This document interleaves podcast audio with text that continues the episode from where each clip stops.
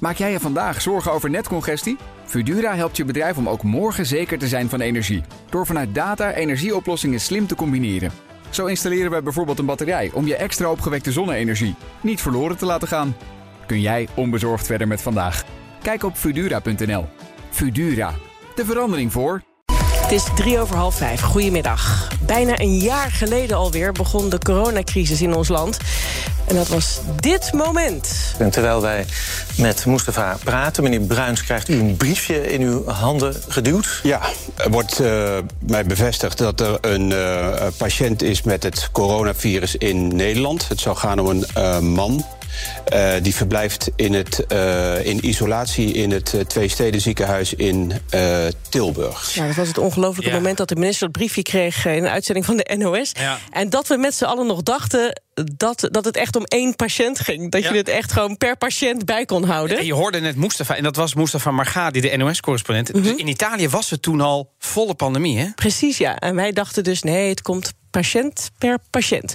We gaan het afgelopen jaar doornemen. We gaan ook natuurlijk vooral ook vooruitkijken uh, naar ja, hoe, hoe deze coronacrisis een endemie wordt en hoe we daarmee moeten leven. Gaan we doen met Maarten Keulemans. Hij is wetenschapsdirecteur van de Volkskrant. Inmiddels verworden tot corona-verslaggever. Welkom Maarten. Goedemiddag. Ik heb begrepen dat jij uh, misschien wel de enige persoon bent hier in dit land die uh, deze pandemie leuk vindt. Ja, dat kun je wel stellen. Ja, weet je, er zijn natuurlijk ontzettend veel mensen die er heel veel nadigheid van hebben. En ik, tot mijn schaamte haast uh, moet ik toegeven. Ik heb een vaste baan, ik woon goed. Ik heb geen kleine kinderen meer die ik moet uh, bijles geven. En uh, ja, weet je, ik, ben, ik ben virusverslaggever. Ik schreef al heel veel over wetenschap natuurlijk voor de Volkskrant. Ja. Dus voor mij zijn het toch al ja, gouden tijden. Dat er ontzettend veel te schrijven is. Spannende dingen gebeuren. Ik krijg iedereen te spreken. dus ja, ik, ik schaam me dood. Maar voor mij is het inderdaad gunstig. Zie jij op tegen het moment dat het een endemie is geworden? Nou, nee, natuurlijk niet. Nee, dan ga ik gewoon wel weer andere dingen doen persoonlijk. En uh, ik zal ook wel natuurlijk ontzettend blij zijn, want er zijn ook heel veel dingen die ik mis. Uh, lekker op vakantie gaan. Uh, nou ja, ik hoorde net dat nieuwsitem over die festivals. Dat is ook iets wat ik persoonlijk heel erg mis. Lekker naar concerten toe, horeca, lekker op terrasjes zitten. Man, ik kan niet wachten. Ja, ik ook niet. Maar helemaal niet, denk ik. Hou op. Ja, ik, ik, wil even kort met jou terugkijken voordat we het verder gaan hebben over de endemische staat waar we straks in gaan belanden. Wat is nou jouw les van het afgelopen jaar over deze pandemie? Als je kijkt naar, naar jouw vakgebied, naar de wetenschap. Ja, nou ja, weet je, ik denk dat er eigenlijk twee lessen zijn. Het ene is wel echt uh, dat we toch niet onkwetsbaar zijn. Je memoreerde het net al. Hè. We dachten aan het begin van de pandemie dachten we echt van, nou ja, dit, dit, zo'n zo'n nieuw virus, dat kunnen we hebben. -hmm. We hadden de Mexicaanse griep hadden we verslagen. We hebben ook kleine uh, introducties gehad van de Lassa-koorts en, en dat soort uh, gevallen. SARS hebben we gehad natuurlijk. En het was echt zo'n soort gevoel van, nou ja, onze moderne samenleving, daar, daar zijn we wel, we zijn af van de infectieziektes. Nou, dat blijkt dus gewoon een illusie. Uh, en het andere, de andere echt belangrijke les, die wel is, vind ik wel positief eigenlijk, is dat we ook wel, ja, als puntje bij paaltje komt, zijn we ook wel heel erg goed in staat gebleken om terug te vechten. Ik had in het begin van de pandemie absoluut niet verwacht dat we nu al een vaccin zouden hebben. Het verhaal was toen ook heel erg van, ja, vaccins ontwikkelen, dat duurt tien jaar. Als we het heel snel doen, nou, misschien kan het dan wel in twee of drie jaar, maar dan moet het wel alles meezitten.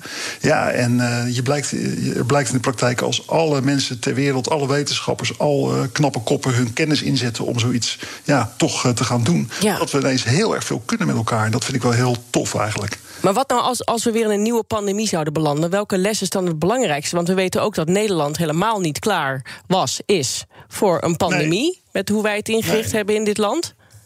Nee, klopt. Nou ja, weet je, dat, dat moet je een beetje relativeren. Ik had het er gisteren over met uh, Auda Tiemen. Dat is die mevrouw van het uh, RIVM die je Mhm. altijd op tv ziet. Ja, en, en op de Eh, radio, en, we eh, kennen er.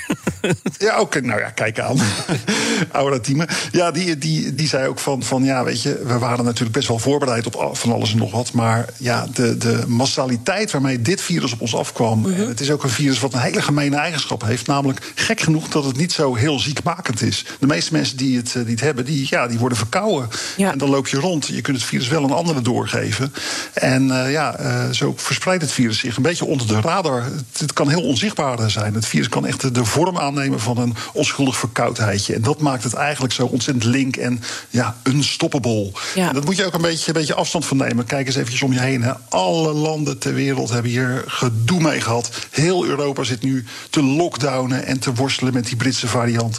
Dus ja, het is, we staan, dit, dit ligt wel echt aan het virus hoor. Dit. Het is uh, niet echt dat, dat Nederland het zo slecht heeft gedaan of dat het aan het beleid ligt. Ja. komt door het virus. Nu, nu gaan we het hebben over die endemische staat waarin we gaan belanden. Hè. We, zijn, we zitten nu nog in een pandemie, of althans, Hugo de Jonge die heeft gisteren nog in het coronadebat gezegd.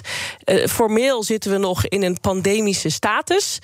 Um, maar goed, er is natuurlijk geen sprake van één eindpunt. Als de lijsttrekkers moet geloven, is dat wel zo. Dan is er een periode voor, tijdens en na corona. Maar goed, ik, ik heb het idee dat, dat het besef hè, dat, dat het een endemie wordt, dat het bij ons blijft, nu pas een beetje begint te dalen, in te dalen bij mensen. hoe lang heb jij dat besef al? Heb je gelijk in Roos. Dat besef heb ik zelf eigenlijk al sinds, sinds februari of zo. Toen ik er voor het eerst echt met wetenschappers over ging praten. Van hoe verwacht je nou dat dit, hoe dit verder gaat? En eigenlijk iedereen die ik toen al sprak, uh, die zei al van, uh, van uh, meteen al toen het in Nederland was, zei iedereen van joh, dit krijgen we echt nooit meer weg. Want dit is gewoon zo'n ongrijpbare virus. Het glipt gewoon door je vingers. En dat betekent dus dat het gewoon op den duur, op de lange termijn, zal het ja, een soort, soort griepachtig fenomeen worden. misschien wel een verkoudheid als het afzwakt. Je moet ook beseffen, we hebben al eh, vier coronavirussen die gaan al eh, rond bij de mens. En dat zijn virussen die ons gewoon een verkoudheidje geven. Ja, en die zijn ooit in een ver verleden zijn die misschien ook al begonnen, uh, zoals dit coronavirus. Dus met een heftige pandemie, met mensen die eraan doodgingen en zo. En gaandeweg is het virus wat afgezwakt. Ons systeem is er meer aan gewend geraakt. En we zijn meer op elkaar ingespeeld geraakt, het virus en wij. En ja, dat zijn nu gewoon verkoudheden geworden. Dus dat is een beetje de hele lange termijn die je kunt verwachten. En die iedereen eigenlijk altijd al verwacht. En het gekke is, de politiek heeft altijd heel hard geroepen van... ja, als we de vaccins hebben, dan zijn we klaar. Hè? Dan, dan, eh, alsof iedereen een spuit geeft en dan is het virus weg. Dat was heel lang het beeld. Heeft Hugo de Jong ook heel erg aan eh, bijgedragen, vind ik zelf. En uh, ja, uh, wetenschappers achter schermen hebben dat altijd een beetje hoofdschuddend aangehoord. Van ja, kom op, het is echt niet zo dat we straks, als we de vaccins hebben... dat we dan een groot eindfeest krijgen en allemaal weer naar de kroeg gaan... en naar Lowlands en alle winkels weer open kunnen. Het gaat veel geleidelijker en het met een ongelijk einde ook. Want je moet, je moet denken, hè, het, wat er eerst al gebeurde... is dat de druk op de zorg vermindert. Mhm. Als mensen worden ingeënt, dan worden ze minder heel erg ziek. Ze hoeven minder naar de intensive care, minder naar het ziekenhuis. En dan gaat het virus nog steeds wel rond. Dus er zijn dan nog steeds wel heel veel mensen die er gewoon last van hebben... die er hartstikke ziek van worden, die long-covid krijgen, zoals het dan heet. Hè. Dus zo'n langdurige rotziekte.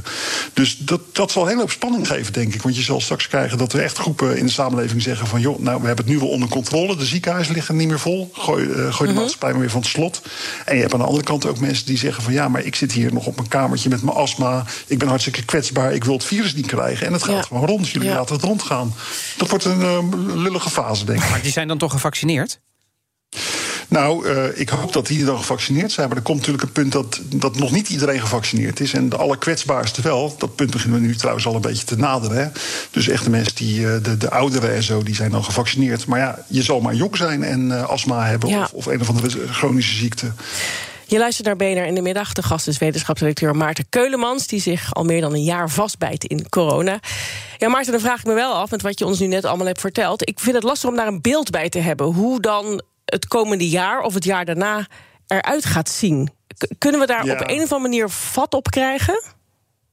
Nou, ik ook. Ik denk dat vooral de komende maanden heel erg spannend worden. Want wat je nu ziet is gewoon, ja, ik, ik kan het bijna niet geloven. Eh, als ik gewoon de prognoses zie, dan zie ik allemaal lijntjes die omhoog gaan. En ik wil ook niks liever dat denken van, nou ja, we hebben nu een beetje het eerste mooie weer gehad. En de mensen zijn een beetje ingeënt aan het raken. Dus we hebben het nu al een beetje achter de rug. Ik snap ook die horeca-ondernemers die zeggen van, we gaan gewoon die terrassen openen. Ja, en als ik gewoon, gewoon puur naar de cijfers kijk en puur de prognoses zie van het RIVM, die gewoon echt goed zijn doorgerekend. Ja, joh, dan zie je gewoon uh, lijntjes die omhoog gaan naar 2000 IC-bezette mhm. bedden in april en zo. Ja. Maar houden we dan dit soort, dit soort golfbewegingen nog tot eind dit jaar, totdat echt iedereen is gevaccineerd? Is dat, is dat de eerste, eerste nou route richting de endemie? Dat, dat denk ik wel. We krijgen nu, ik denk dat de moeilijkste fase nu eigenlijk de, uh, voor ons ligt. Gewoon die komende paar maanden voor ons, daar, daar maak ik me best wel zorgen over. Omdat iedereen is het zat, iedereen wil gewoon zijn deuren weer open gooien. Mhm. En aan de andere kant zie je dat virus gewoon, je ziet het weer aantrekken. Die Britse variant is erbij gekomen. Nou ja, wat we in het najaar gaan krijgen, dat wordt ook wel weer spannend. Want dan wordt het natuurlijk weer een beetje het snotneuzenseizoen. Dan wordt het virus weer actiever. Het gaat weer meer van mens tot mens. En, en de, de, de experts die ik erover spreek, de virologen, die zeggen allemaal van nou het wordt heel spannend of dat virus zich dan gaat aanpassen. Of we dan weer allemaal nieuwe mutanten krijgen. Die, Oh ja. waar, waar de vaccins geen goede greep meer op hebben. Ja. Nu- Dan zijn we de sjaak hoor, als dat gebeurt, Roos. Ja, nee, ik kan me zo voorstellen dat farmaceuten dat al wel allemaal zien. Ik had begrepen dat een van die farmaceuten, ik heb hem even niet voor me, was het Moderna volgens mij uit mijn hoofd, die nu al een nieuwe variant, eh, of een, een nieuwe vaccinvariant heeft eh, Ja. gemaakt op de Zuid-Afrikaanse variant. En volgens mij ook heeft Klopt. aangevraagd in Amerika al voor eh, toetreding tot de markt. Dus die zijn er al wel mee bezig met, dat, met, met die toekomst. Maar hoe zit het nou met de politiek? Want ze gaan, als ik, als ik kijk naar de verkiezingsprogramma's, dan staat het er eigenlijk nergens in. Van zo willen wij het, het- de samenleving vormgeven als we te maken hebben met een endemie. Hoe, hoe kunnen ze dat doen? Want ze gaan straks formeren. Dan zou je zeggen, Ja. dat moet op tafel liggen. Nou, een van de, van, de, van de tussenfases wordt waarschijnlijk de komende tijd. Je merkt dat het kabinet ook de maatschappij daar al een beetje op aan is eh, aan het voorbereiden. Een fase waarin je toch het beste ervan maakt. Dus dan moet je echt denken aan, aan sneltesten. En mensen die al gevaccineerd zijn, die dan een app of zo kunnen laten zien bij de ingang van het restaurant. Eh, die mogen wel naar binnen. Misschien wel blaastests eh, die het verschil gaan maken. Zodat je heel snel kunt zien of je, of je besmet bent of niet. En met dat soort trucjes moet het dus echt gaan lukken om toch wel een beetje die maatschappij weer van het, van het slot te halen. Dat is echt de lijn van het eh, kabinet. En joh, of dat gaat lukken, nou, ik, eh, ik zou het echt niet weten. Ik, zou het, eh, ik durf er niet op te gokken. Nee. Ben jij pessimistisch over dit jaar? Nou, nee, toch niet. Want je zal gewoon toch wel zien dat we gewoon ja, in de loop van het jaar. Ik denk dat we een vrij normale zomer tegemoet kunnen zien, bijvoorbeeld. En eh, ja, tegelijkertijd, ik kreeg gisteren. Ik had, ik had kaartjes voor het festival Best Kept Secret. En Oh, ik kreeg gisteren de afzegging dat het festival Ja. niet doorgaat. Dus ik was wel een beetje verdrietig hoor.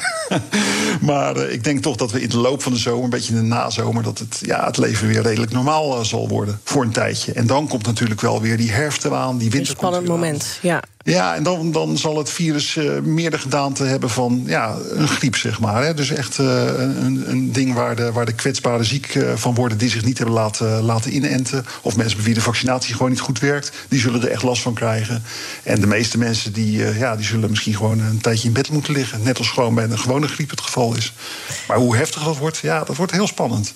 Dankjewel voor je inzichten. Maarten Keulemans, wetenschapsredacteur van de Volkskrant. Deze langere gesprekken die plaatsen we ook online als podcast. Ik zou zeggen, zoek die vooral eens op. Allemaal interessante gesprekken vind je daar. Die vind je dus in de BNR-app of via bnr.nl slash. Maak jij je vandaag zorgen over netcongestie? Fudura helpt je bedrijf om ook morgen zeker te zijn van energie. Door vanuit data energieoplossingen slim te combineren. Zo installeren we bijvoorbeeld een batterij om je extra opgewekte zonne-energie niet verloren te laten gaan. Kun jij onbezorgd verder met vandaag? Kijk op Fudura.nl. Fudura, de verandering voor.